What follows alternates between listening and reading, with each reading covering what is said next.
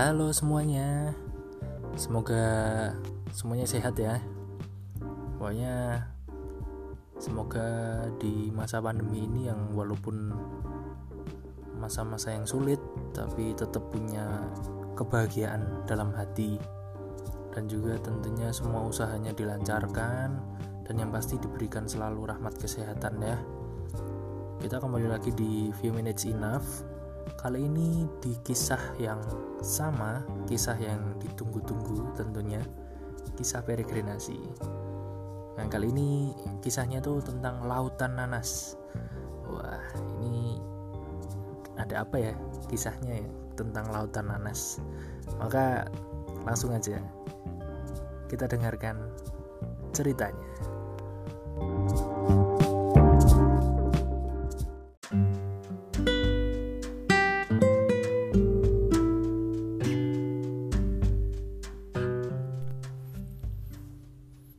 Hutan belik itu tidak kunjung berakhir. Jalanan pun begitu menanjak, bagaikan Via Dolorosa. Artinya itu uh, Via Dolorosa itu sebutan untuk jalan salib yang waktu itu Yesus lalui.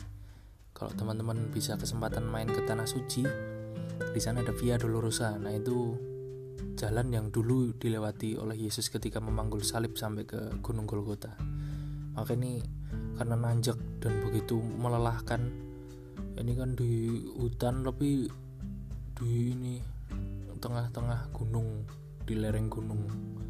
Jadi rasanya tuh waduh berat berat. Makanya aku sebut Via Dolorosa. Matahari sudah berada pada posisi yang begitu strategis untuk memberikan panas sinarnya. Bagi bumi dan perutku sudah mulai lapar kembali. Aduh, menyusuri tanjakan demi tanjakan aku tidak menemukan warung ataupun rumah untuk kukunjungi waktu itu. Padahal udah jamnya makan siang itu. Perutnya udah benar-benar keroncongan. Dan pemandangan di kiri dan kanan yang kujumpai hanya kebun nanas. Teman-teman bisa kesempatan lewat daerah Beli ini, itu tuh emang tempat yang banyak tumbuh dan memang mungkin ditanami tanaman nanas. Jadi kiri kanannya tuh setiap jalan tuh hanya ada pohon-pohon nanas dan kebun-kebun nanas. Awalnya aku tidak menghiraukan nanas-nanas itu. Namun pada akhirnya pilihan harus dijatuhkan. Lebih baik perut ini tetap terisi meskipun diisi dengan nanas. Berjajar-jajar penjual nanas membuatku bingung. Karena di situ banyak yang jualan nanas dan warung-warung ya yang ada gubuk-gubuk kecilnya tuh semua tuh jualan nanas banyak di situ. Dan aku bingung waktu itu mau milih yang mana ya yang sekiranya mau memberikan nanasnya. Lalu ketok palu keputusan dalam hati telah terketuk akhirnya ada satu warung kami hampiri. Itu warung paling pojok waktu itu aku masih ingat negosiasi dengan ekspresi muka alami seorang gembel.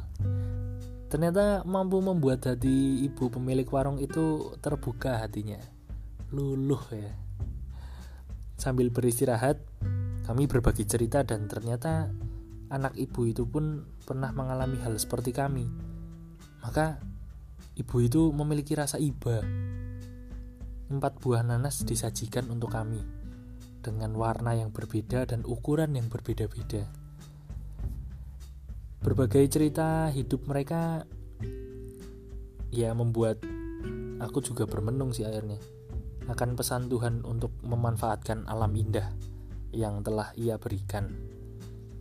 Tuhan begitu baik memberikan nanas yang tumbuh dengan subur di alam yang baik sebagai penopang hidup mereka aku belajar bagaimana menghargai alam ciptaan Tuhan. Bahwa pesan di kitab Kejadian perlu sampai pada tindakan untuk merawat alam ini. Pada dasarnya Tuhan itu maha adil dalam memberikan rezeki secukupnya untuk sehari-hari. Mereka yang hidup di dataran penuh nanas ini pun dalam perlindungan Tuhan. Dan nanas itu sebagai sarana Tuhan menyalurkan rahmat rezeki bagi mereka. Tidak ada rahmat yang gratis. Semua perlu dibayar dengan usaha. Ya, kami berdoa semoga usaha mereka dalam menanam nanas ini diberkahi oleh Tuhan agar kehidupan sehari-harinya mereka dapat selalu tercukupi.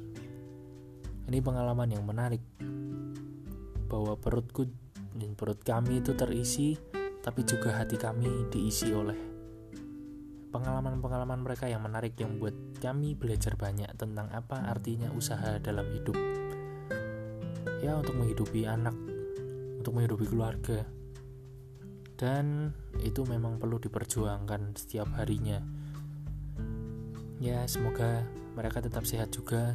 Sampai sekarang aku masih mendoakan orang-orang yang baik ini. Dan Semoga teman-teman juga bisa belajar dari mereka juga. Itulah kisah Lautan Nanas. See you in the next story.